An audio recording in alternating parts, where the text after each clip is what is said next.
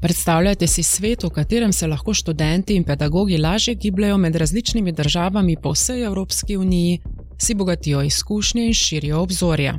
Z vzpostavitvijo evropskega izobraževalnega prostora si Unija dejavno prizadeva, da bi to vizijo uresničila. Poslušate program Novi izzivi, boljša zakonodaja. V tej epizodi bomo govorili o tem, kako namerava Evropska unija zagotoviti, da bo izobraževanje enako dostopno vsem učečim in da bo dostop do evropskih programov za učno mobilnost lažji.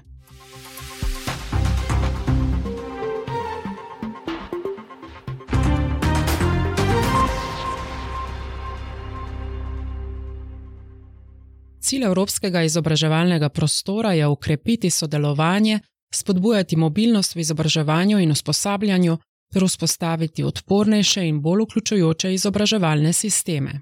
Njegova ključna naloga je spodbujanje učne mobilnosti.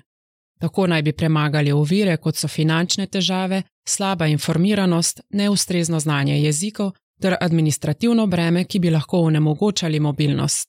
Kako pa je pobuda za učno mobilnost sploh nastala?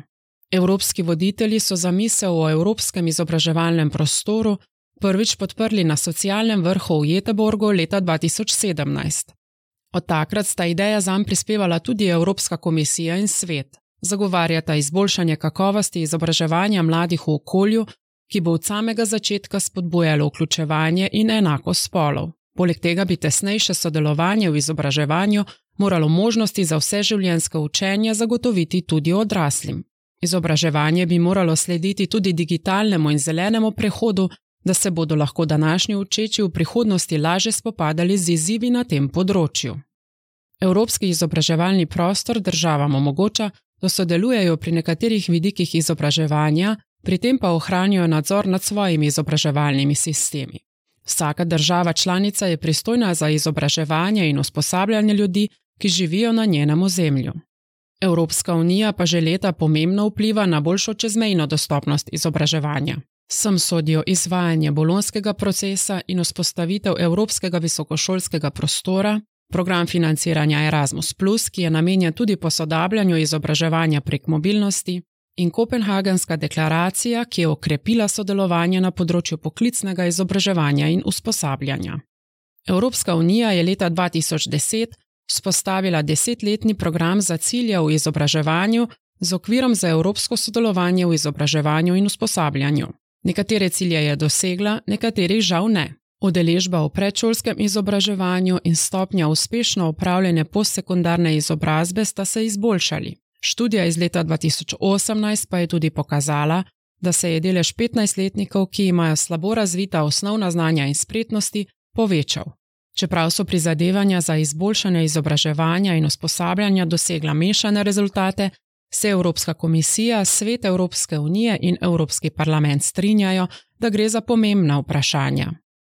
Vse življensko učenje mora pripraviti današnje in prihodnje državljane za dejavno vlogo v družbi in utrditi njihovo odpornost proti ponavljajočim se krizam.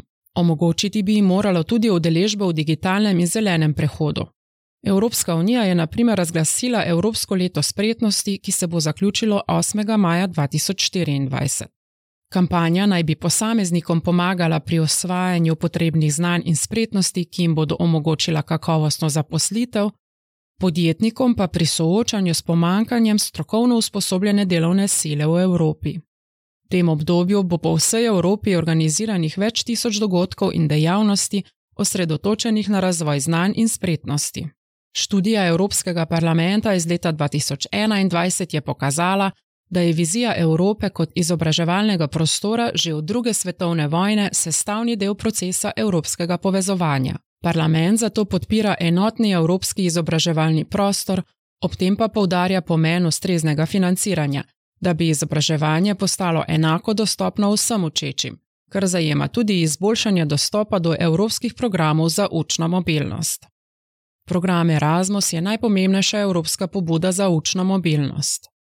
V obdobju od leta 2021 do leta 2027 bo še naprej zagotavljal sredstva programa Erasmus Plus za izobraževanje, usposabljanje mlade in šport. Medtem ko je program Erasmus Plus v obdobju od leta 2014 do leta 2020 omogočil mobilnost več kot 4 milijonom ljudi, je cilj najnovejšega programa še daljnosežnejši in želi doseči 12 milijonov udeležencev. Nova generacija programa Erasmus ohranja pristop vseživljenjskega učenja. Njegove najpomembnejše pobude vključujejo Evropske univerzitetne mreže in Evropsko študentsko izkaznico. Osredotoča se tudi na vključenost in si prizadeva, da bi bil kar se da enostaven za končne uporabnike. V glavno strukturo programa vključuje šport, razširja uporabo digitalizacije, podpira nova področja znanja in uvaja novo pobudo za mobilnost, imenovano Discover EU. Evropska unija in njeni organi si prizadevajo izboljšati učne priložnosti za svoje prebivalce s stalnim posodabljanjem tekočih projektov in vzpostavljanjem novih. Ključne pobude, kot je program Erasmus, bi morale še naprej omogočiti mobilnost po Evropi in pritegniti študente k ustvarjalnemu mišljenju. Evropski izobraževalni prostor bi moral zadovoljiti te potrebe in posledično prispevati k odpravi neenakosti in izobraževalnih vrzeli. Napredek ni zaključen proces. Različni ukrepi se sprejemajo in se bodo še naprej sprejemali na evropski ravni in ravni posameznih držav. Razprave in zakonodaja v zvezi z izobraževanjem bodo zato še naprej med prednostnimi nalogami Evropskega parlamenta. To je bil prispevek Evropskega parlamenta. Več podkastov je na voljo na radiju Europarl, spletnem radiju Evropskega parlamenta.